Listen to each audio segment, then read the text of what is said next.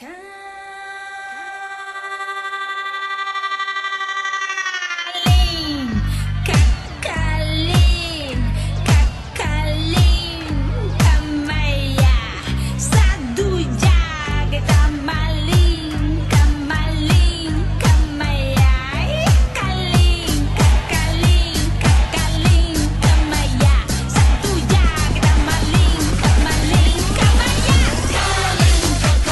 Halli hallå, Tutski Balutski Champions League rullar vidare. Vi har kommit fram till det fjärde avsnittet, episoden om Grupp D.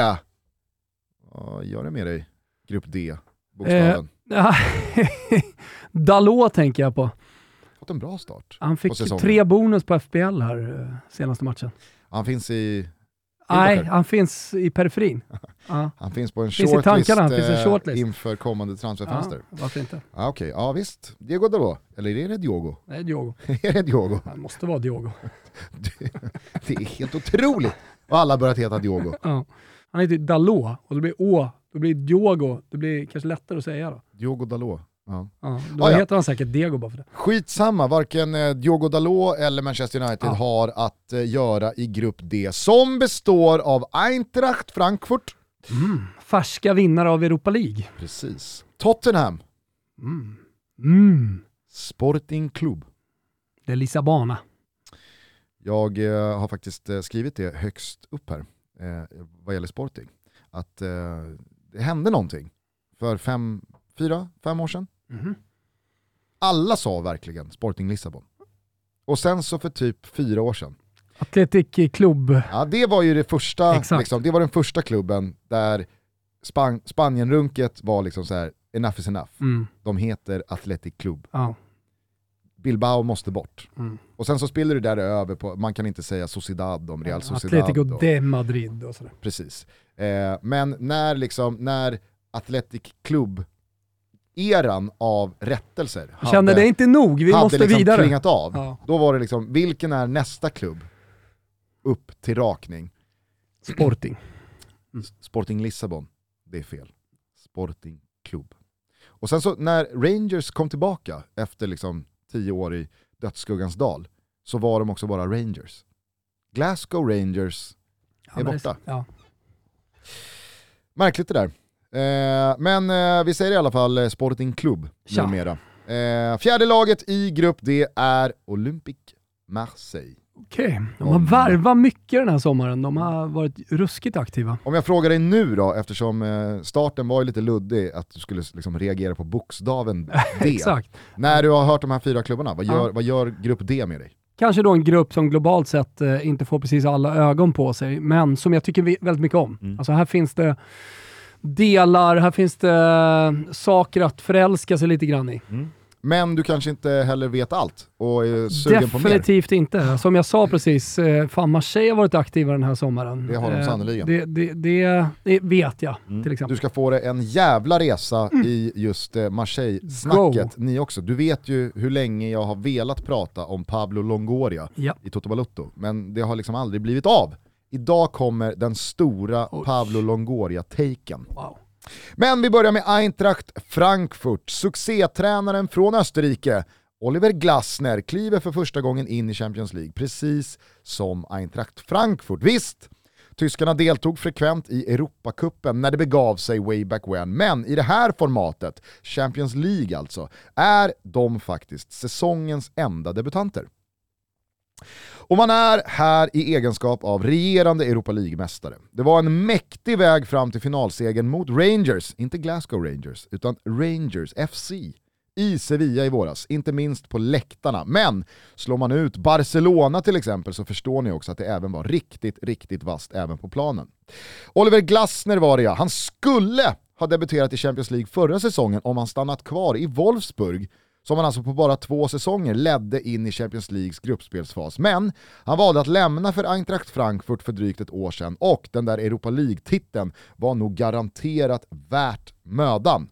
Men parallellt med den här bucklan så kom man faktiskt bara 11 i Bundesliga och det imponerar inte. Så nu är det ändå lite, lite press på honom skulle jag säga. Eh, minns bara Claudio Ranieri. En ligatitel med Leicester, det räcker ungefär riktigt dåligt Champions League-gruppspel eh, parallellt med ytterligare då eh, svagt ligaspel. Sen så sitter man där på Arbetsförmedlingen. Mm. Så att, eh, mm, Glasner känner nog eh, pressen. Man har, som ni kunde höra i Grupp B-avsnittet, eh, hämtat Lucas Alario från Bayer Leverkusen. Man har köpt loss eh, Jens Petter Hauge, jag är fortfarande kvar i Hauge, Mm, vägrar gå över till Huge. Mm. Eh, från... EU Eh, eh, funkar liksom inte i svenska språket. nej. Den kan funka i norskan, men inte i svenska. Man har i alla fall köpt loss eh, Jens Petter Hauge från Milan, eh, men direkt lånat ut honom till belgiska Gent. Mm. Märkligt det där. Det dåliga laget av de två G-lagen i, i Belgien. Eventuellt. Om kan vara så att skämt har gått om. Ja. Var det inte skämt som Diffen fick? Eller var det Genk? Och varför var, säger man Genk men skämt? Gör man det? Uppenbarligen. Ja, du, vi gör. Ja, jag sa precis att jag gjorde det, Ja. uppenbarligen, men jag vet inte riktigt varför. Eh, ja, man eh, lånar i alla fall ut Jens Petter Hauge direkt efter man har köpt loss honom från Milan. Och så har man dessutom tagit den gamla VM-hjälten från 2014, Mario Götze, efter dennes ganska märkliga och deppiga sejour i PSV Eindhoven. Två kroater i form av Christian Jakic och Rvoje Smolcic har på detta hämtats in från i tur och ordning Dinamo Zagreb och Rijeka. Många inlån har det blivit, där eh, de två som jag hajar till kring är de av eh, först då Junior Dina Ebimbe från PSG.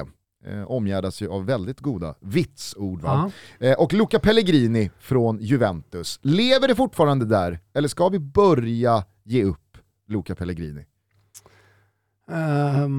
Nej, jag tror inte att vi ska ha för höga förväntningar i alla fall. Alltså, alla spelare behöver inte bli fantastiska. Det är det du menar lite, ska vi ge upp honom? Jag tror på, på det sättet du ställer frågan på så ska vi ge upp honom, ja. Toto-ballon mars Nej. kommer liksom inte innehålla... Nej, Luca och Pellegrini. jag tror att det är i klubbar som Frankfurt där han, han, han når inte högre. Sen är ju det bra också. Det kan ju bli en jättefin karriär, men, men eh, det blir inga Bayern München här. Nej. Ut då, ja, man har tappat en hel del rutin i truppen under sommaren eh, och bland det sista som skedde ut var att Filip Kostic lämnade för Juventus. Oerhört tungt tapp som eh, jag har väldigt svårt att se dem faktiskt lyckas ersätta.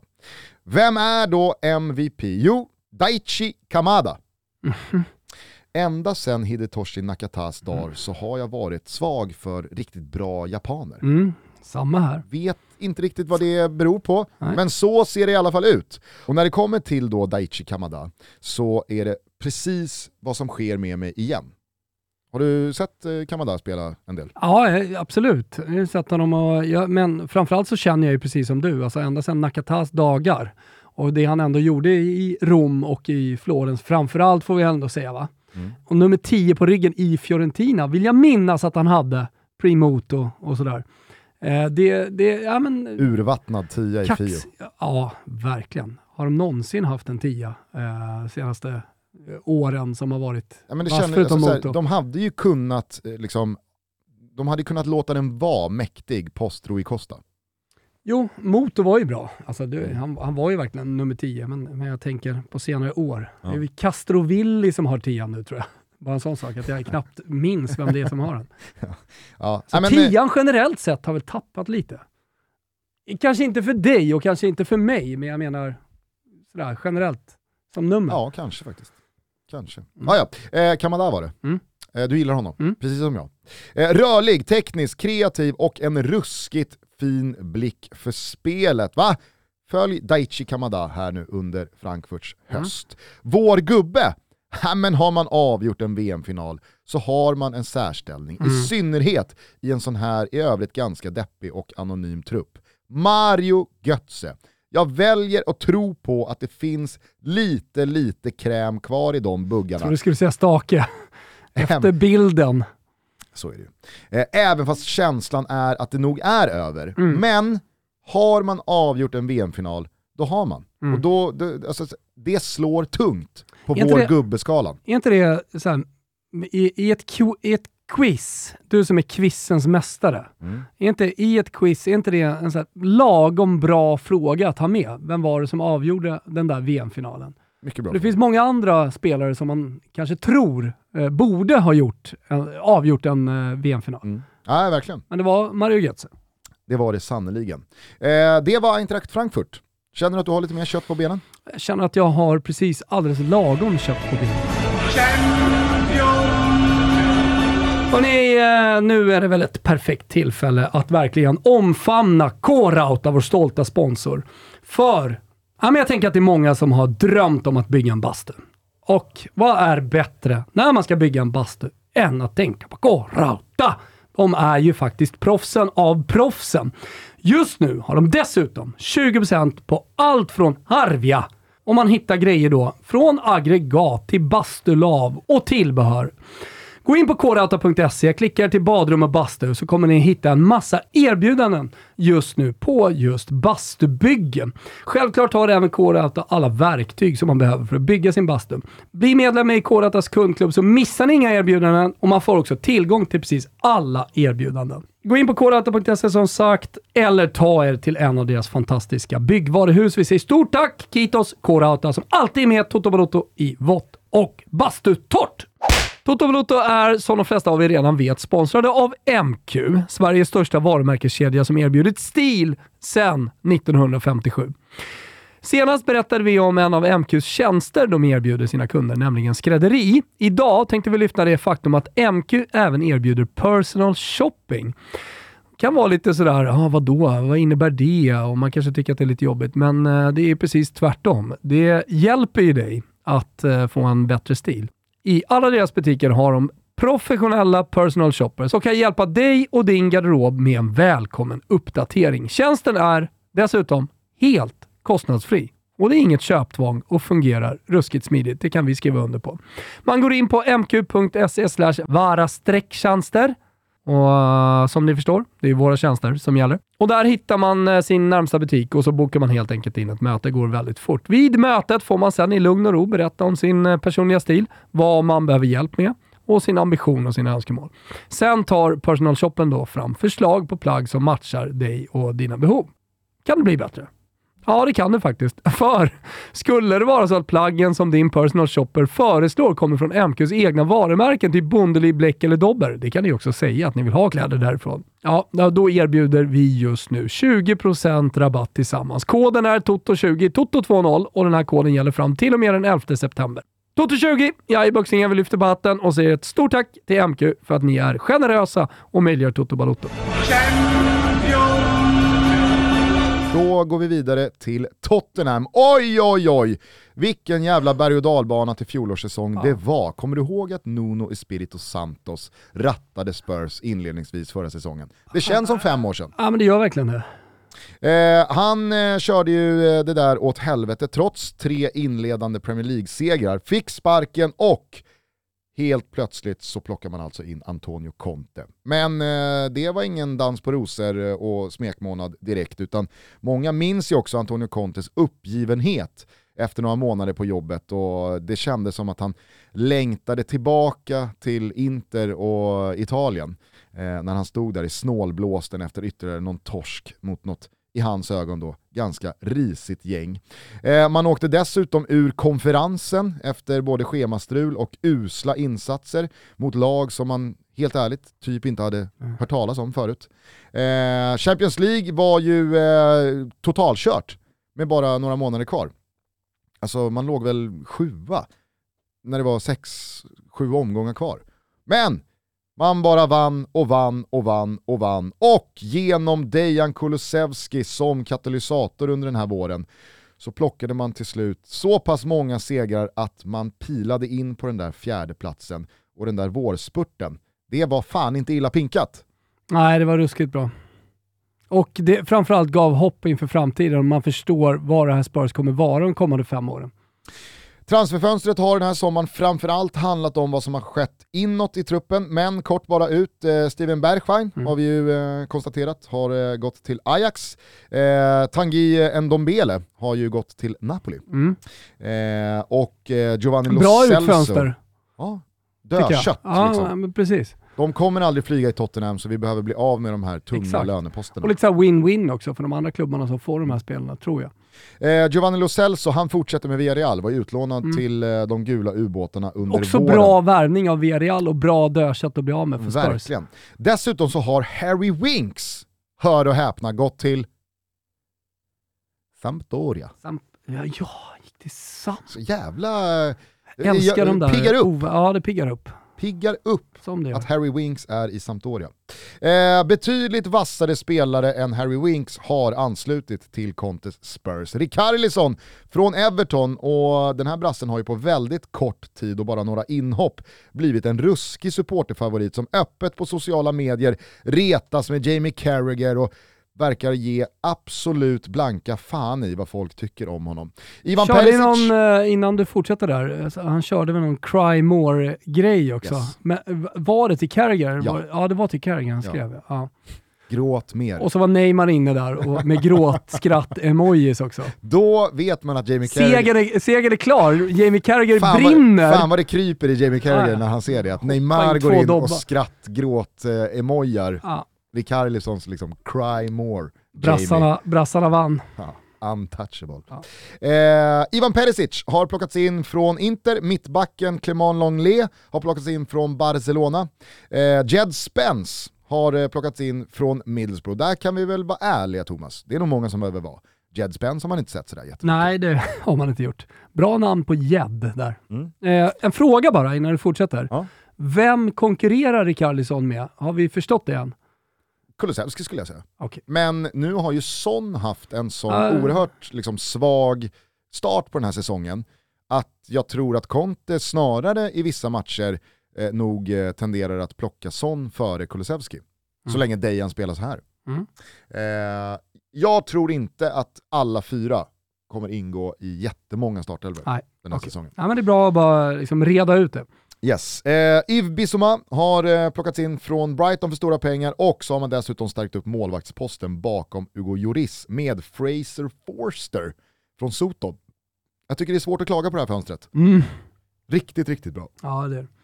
MVP Paratici då. då, eh, MVG. Verkligen. Eh, och från MVG till MVP. Eh, kom dragandes med er i ung min son ni om ni vill. Hur man än vrider och vänder på det så är Harry Kane Tottenhams viktigaste spelare alla kategorier trots att sydkoreanen var helt otrolig i fjol och faktiskt vann skytteligan. Målmaskinen Harry Kane kan inte sluta göra mål. Har jag sagt att jag älskar Harry Kane? Fint att du lyfter honom här ändå tycker jag. För i den här inledningen på säsongen så, det blir alltid, starterna blir ju alltid så att man pratar om nyförvärven, det är de som är mest hypade och det blir mycket Haaland och sen såklart också stort Isak-fokus i Sverige. Eh, men Harry Kane har man inte pratat om, om överhuvudtaget. Nej. Eh, så fint att du nämner honom och jag håller med dig väldigt mycket du, du säger här. Mm. Att- Och, och, tycker att omnämnandet som MVP eh, är helt rätt. Jag tycker också att han efter ett år har chansen att verkligen med en ja men, Champions League-framgång här nu och att Tottenham kan fortsätta hänga med i toppen, verkligen sudda ut det där liksom sorgliga transferhaveriet förra sommaren när han skulle till City och ja men, han fick sitt Tottenham och sina älskade supportrar emot sig. Nu har säkert alla reagerat liksom på olika sätt post det där och han blev kvar och för vissa tog det säkert, som du är inne på, två mål. Sen älskade man honom igen.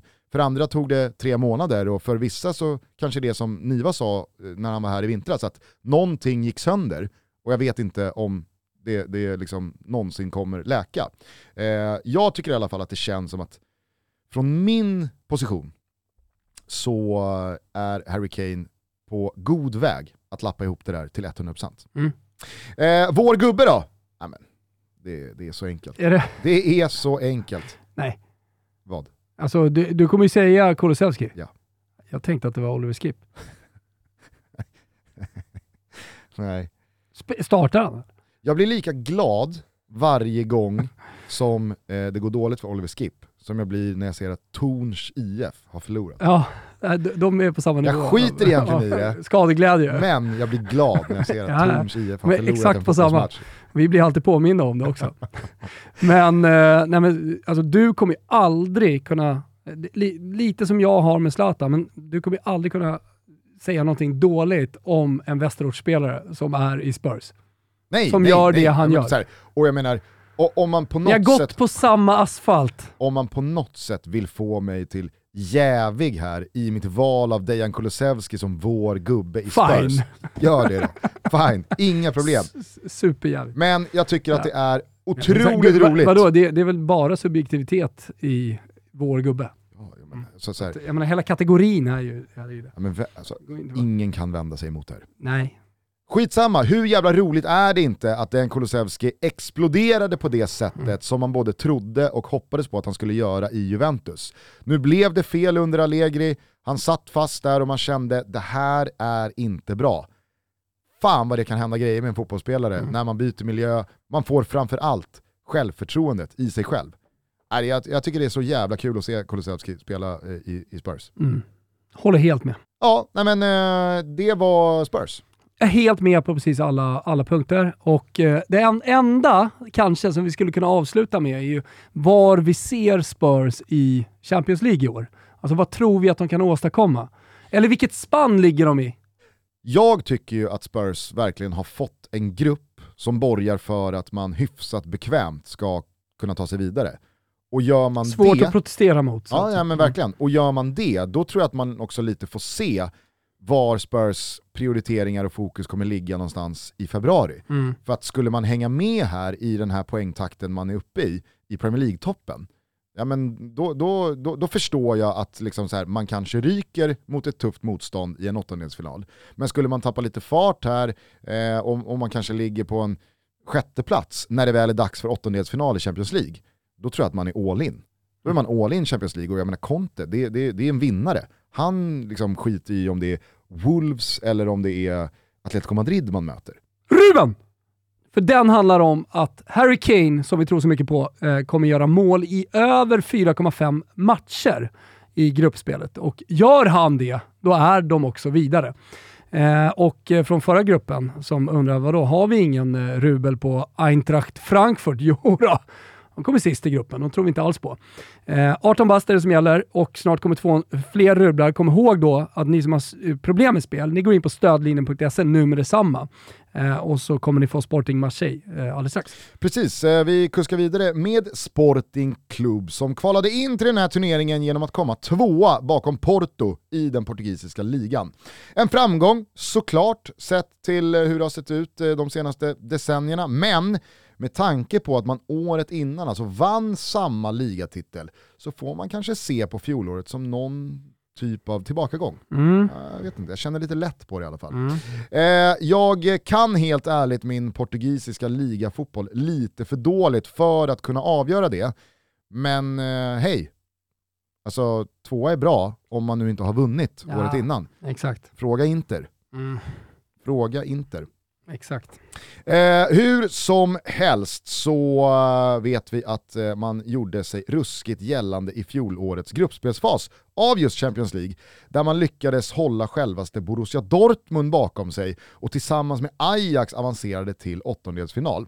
Väl där så lottades man mot Manchester City efter en knapp halvlek i Lissabon så var det dubbelmötet så dött och begravet ett dubbelmöte bara kan vara.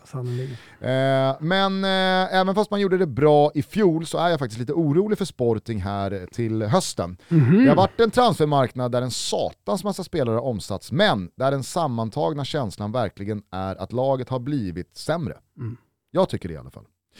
Eh, eller vad säger du om att Pablo Sarabia har dragit hem till PSG? Mateus Nunes har eh, gått till Wolves. Eh, Joao Palinha har eh, sålts till Fulham.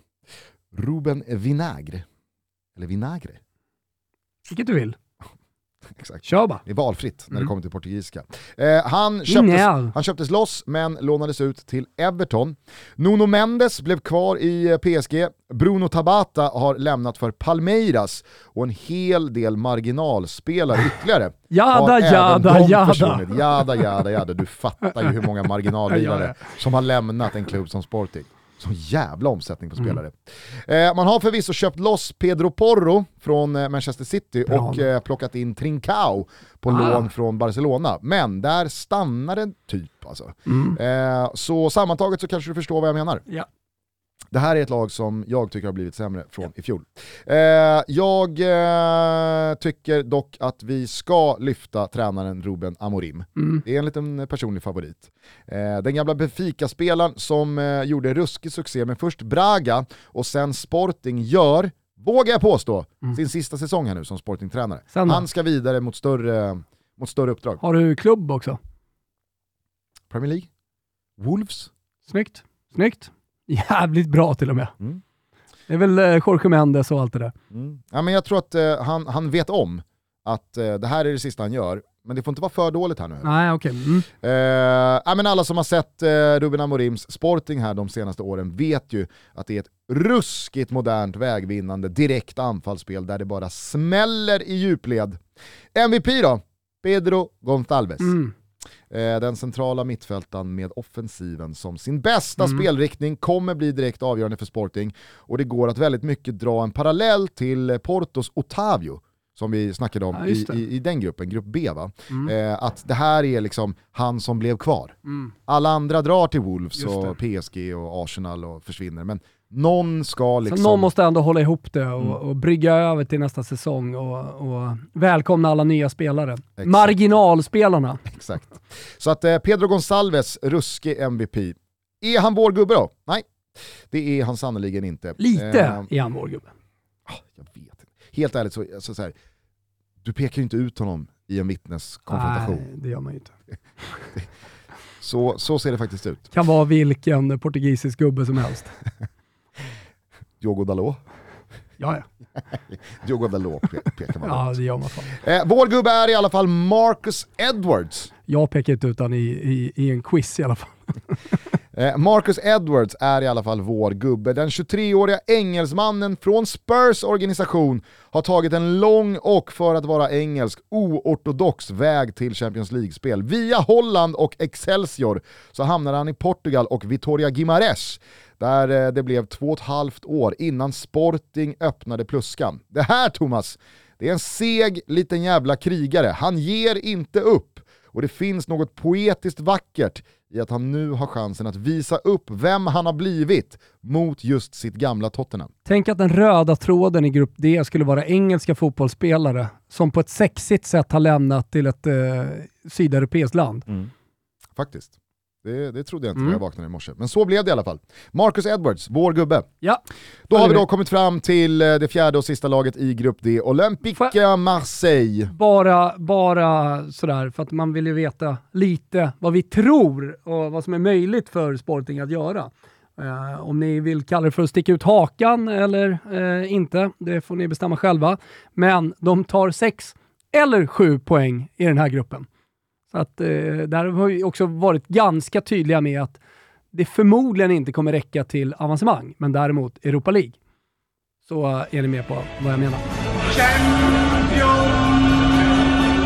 Autopilot är sponsrad av Circle K, drivmedelskedjan ni vet, som fan inte gör något annat än att försöka göra livet för dig och för mig och för alla andra så smidigt och så enkelt som det bara är möjligt.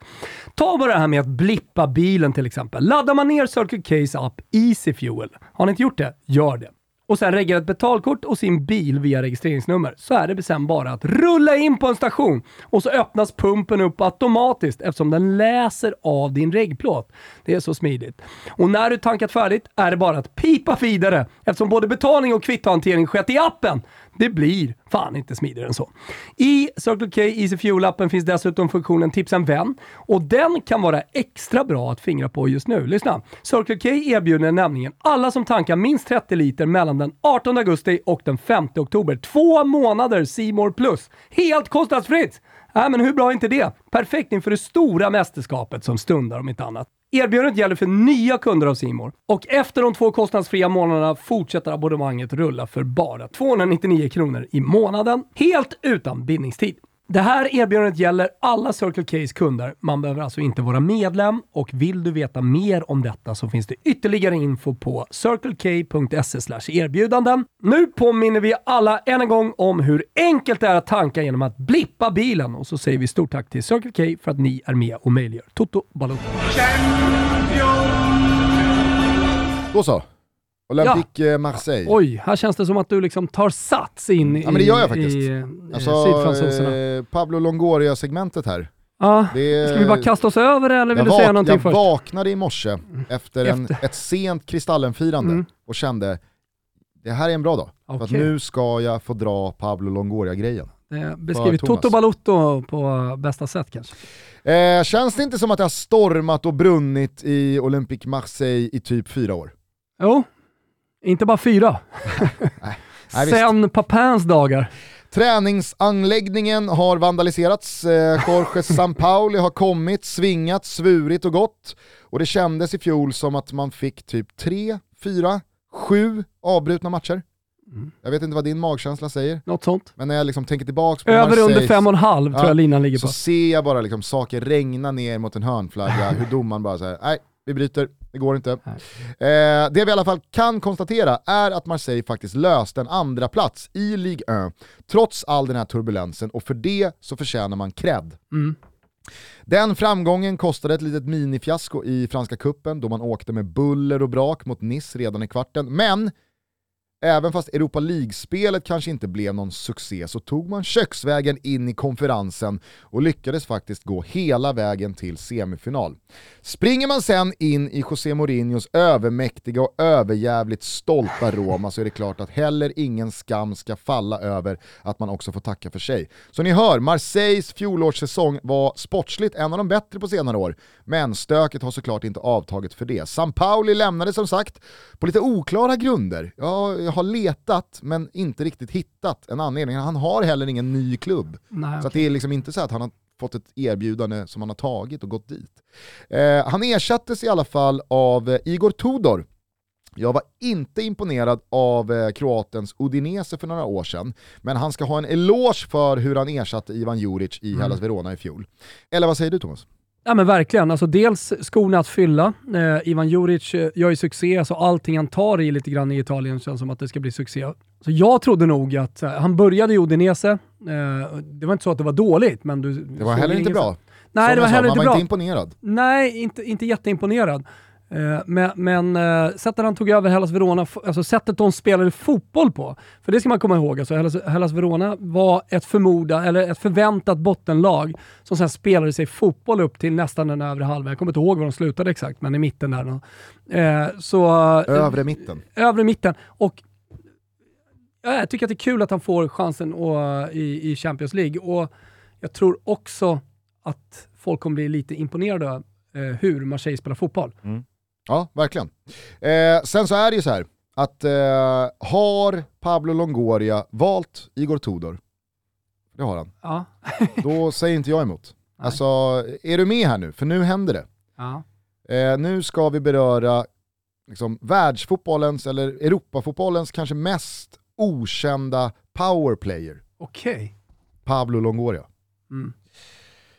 Jag hänger med. Ja. Jag har spänt fast mig Gustav. Det finns nämligen 36-åriga tränare som har kommit långt. Jada, jada, jada. Men hur många 36-åringar är presidenter för en Champions League-klubb? Förmodligen så är nog Longoria den enda i sitt slag. Någonsin. Eller? Jag tänker att, Han är alltså Det- född 86. jag vet, men jag tänker att det har funnits någon ung kines som har fått möjligheten att vara president. Inte i en Champions League-klubb. Nej. Jag- började tänka på Chang, vem som egentligen var president och, och så vidare. Eh, Sant. Men, men eh, nej, inte så ung va? Och sku, skulle liksom Chang vara ett motbud här så har ju han... Nej, dumt av mig att måla upp, mycket eller hur? snyggt, Ja, mycket snyggt.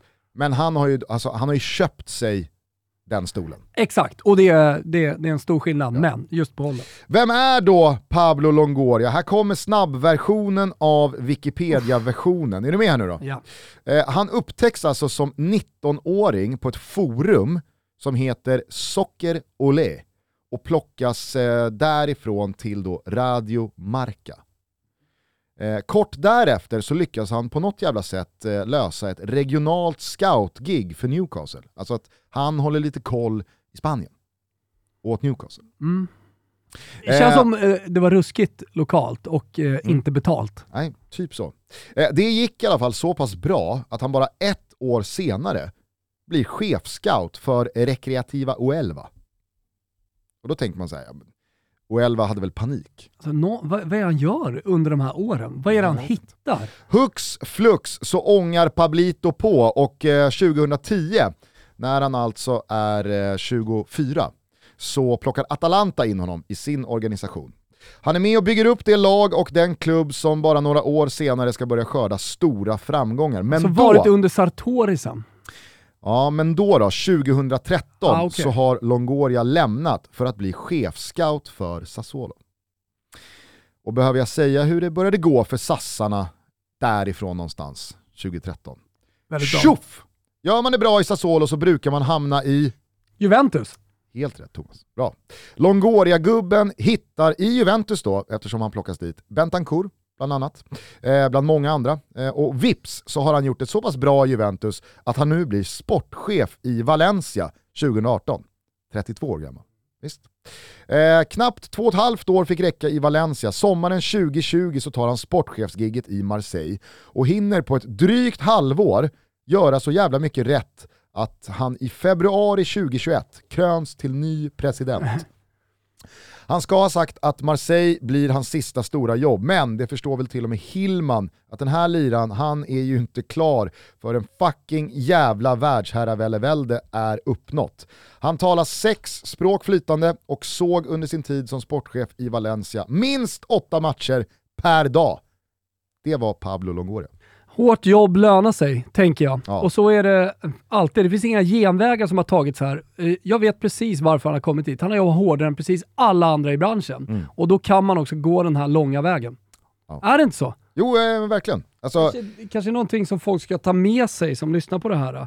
Att det finns inga genvägar utan det är bara hårt jobb. Jag tycker också att Pablo Longoria ska vara en påminnelse till alla de liksom, unga killar och tjejer, men i den här branschen företrädesvis då killar eftersom det är så det ser ut, som inte har det sportsliga, som kanske har åkt på någon skada Mm. eller var inte de var inte tillräckligt bra.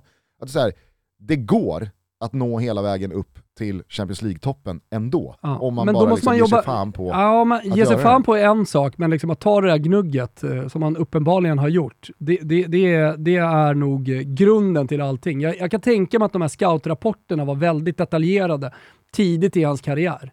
Sen vet jag att han är, var ju väldigt upplyft i, i Italien under hela sin tid där. Och med eh, Sassuolo och allt han gjorde för dem. Kanske framför allt kan jag tycka. Sen kom han ju in i Juventus-organisationen, men det fanns ju andra spelare i den sportsliga organisationen som nämndes och eh, lyftes eh, när Juventus nådde framgångar. Ja, det får man säga. Eh, men eh, de som kan eh, och de som vet, vet att han gjorde ett bra jobb såklart. Mm. Vad gäller aktiviteten i sommar så har den som alltid höll jag på att säga varit hög. Mest uppmärksamhet har såklart den sena värvningen av Alexis Sanchez fått. Och det ska givetvis bli spännande att se om chilenaren kan kräma ur ett sista bra kapitel i Europakarriären. Vilket betyg skulle du sätta på Alexis Sanchez Inter här som han kommer ifrån? Ja, men så här, bättre än vad jag trodde. Mm. Eh, för jag hade, jag hade verkligen noll förväntningar på Alexis Sanchez och det var skadedrabbat och det var en spelare som eh, var slut och allt det där. Men, men jag tycker fan, eh, tycker han ändå gör det rätt bra. Ja, visst, Så en trea, trean. sett till förväntningar och sådär. Man har köpt loss några tidigare lån, däribland Matteo Guendouzi från Arsenal, eh, både Cengiz Ynder och Paul Lopez från Roma. Man har lånat in Erik Bailly från Manchester United. Man har lånat in Nuno Tavares från Arsenal som fått en otrolig start på säsongen. Och man har framförallt köpt Jordan Veretout från Roma. Ruskigt under radarn vass värvning säger jag. Eh, sen har man också köpt Luis Suarez. Men nej, inte den Luis Suarez, utan Luis Suarez från Granada. Mm. 24-årig anfallare från Colombia som, ja, Ja. vi, vi går vidare. På utsidan så har man faktiskt visat styrka. Tappet av William Saliba tillbaka till Arsenal kommer såklart bli kännbart, men i övrigt så tror jag att man kommer klara sig ganska bra utan de som lämnat. Däribland Arkadius Milik, som totalt meningslös alltså gått till Juventus. MVP då? Ja, men trots att eh, de inte fick någon speciellt bra start, han och nye tränaren Igor Tudor, så är det såklart att Dimitri Payet är Marseilles viktigaste spelare. Tudor var ju skeptisk till om den nu 35-åriga fransmannen rent fysiskt skulle klara av att spela hans fotboll. Men här får man ändå ge det till Igor Tudor att han förstod att vattnet började bli lite, lite för kallt och djupt när han petar supporternas gunstling, lagkaptenen och liksom, lagets Mm. bästa spelare. Supporterprotester följde, Payet var lite kylig i media. Eh, han sa att liksom så här, ge, ge mig inte någon jävla bindel när jag ska hoppa in. Alltså antingen startar du mig, Exakt. eller så kan du sätta den där bindeln på någon annan. Lite Totti. Eh, och eh, då så kröp Igor Tudor till korset. Han backade, sträckte upp armarna och sa supporterna brukar alltid få rätt till slut. Han började starta Dimitri Payet och eh, vips så vinner Marseille nästintill varenda match man spelar nu va. Eh, och här kommer den, för första gången i Tutski Balutskis historia tror jag, i alla fall den här säsongen. MVP Dimitri Payet är också vår gubbe. Ah, okej. Eh, det var Marseille. Mm. Kände att det var matigt. Eh, matigt, bra. Eh, jag sitter och kollar lite lätt sådär på senaste startelvan och tänker om jag kan liksom komma med någon annan MVP eller någon annan eh, vår gubbe, men hittar ingen. Skulle kunna varit Alexis Sanchez, men det är det ju inte. Ehm, nej, ja, det ser- bra ut. Mm. Eh, men Bailly, bra nyförvärv. Ja men det är väl alltså så här, kan han de bara är på liksom... tå där. Undrar undra hur mycket, alltså är han en Berlusconi-typ här? Longoria? Hur Alltså du? som, som är in och petar väldigt mycket i det sportsliga som president Det med tanke på att han kommer Med tanke på hans därifrån. bakgrund. Ja, nej men exakt. Men, men ändå, jag menar nu är han president, nu har han andra saker att stå i så att säga. Men det är klart att han kanske är nere i omklädningsrummet och ja, men, petar i det sportsliga som sagt. Jag tror i alla fall eh, att eh, det finns väldigt, väldigt mycket bra i Erik Bailly. Kan han bara liksom putsa bort de här idiotiska röda korten som ibland blir sex matchers avstängning Ja. eller att det, det, det är någon skada som kommer i helt fel läge, utan han får kontinuerligt spela. Mm. Ja, då, då, då tror jag att det kan bli riktigt bra. Det som talar emot det är ju att han går till just Marseille. Mm. Alltså, den redan hetlevrade och liksom adrenalinstinna Erik Bailly på velodromen i Marseille, när det börjar brinna och koka där. Det är klart att det kommer ju, han kommer ju få titta på ett par röda kort. Och på tal om den velodromen så kommer Marseille vara obesegrade på velodromen när detta gruppspel är över. Det är också Ruben, den franska Ruben i eh, de olika rublarna här. Eh, så eh, om ni tror på Marseille, om ni tror på velodromens kraft, då går ni in på Betsson.com under godbitar och, och boostade odds om ni är 18 bast och så hittar ni det här spelet. Eh, jag tror starkt på det. Det var grupp D. Härligt. Jag eh, känner mig nöjd. Jag är jättenöjd. Underbart. Då är det väl bara att stänga butiken och så hörs vi igen i nästa avsnitt som alltså handlar om grupp E. vet du vad jag framförallt är nöjd med? Att ha precis lagom koll på Grupp D. Ja, då så. Ja, då så. Eh, vi hörs snart igen. Ciao tutti. Ciao!